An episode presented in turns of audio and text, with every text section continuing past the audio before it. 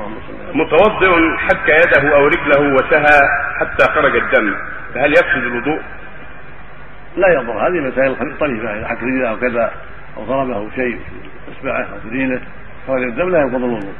إنما الخلاف في الوضوء في الدم الكثير إذا وقع هل ينقض ما ينقض أما الشيء اليسير وعاف يسير جرح يسير في رجله في يده هذا ليس في خلاف أنه لا ينقض الوضوء ولا يضر نعم.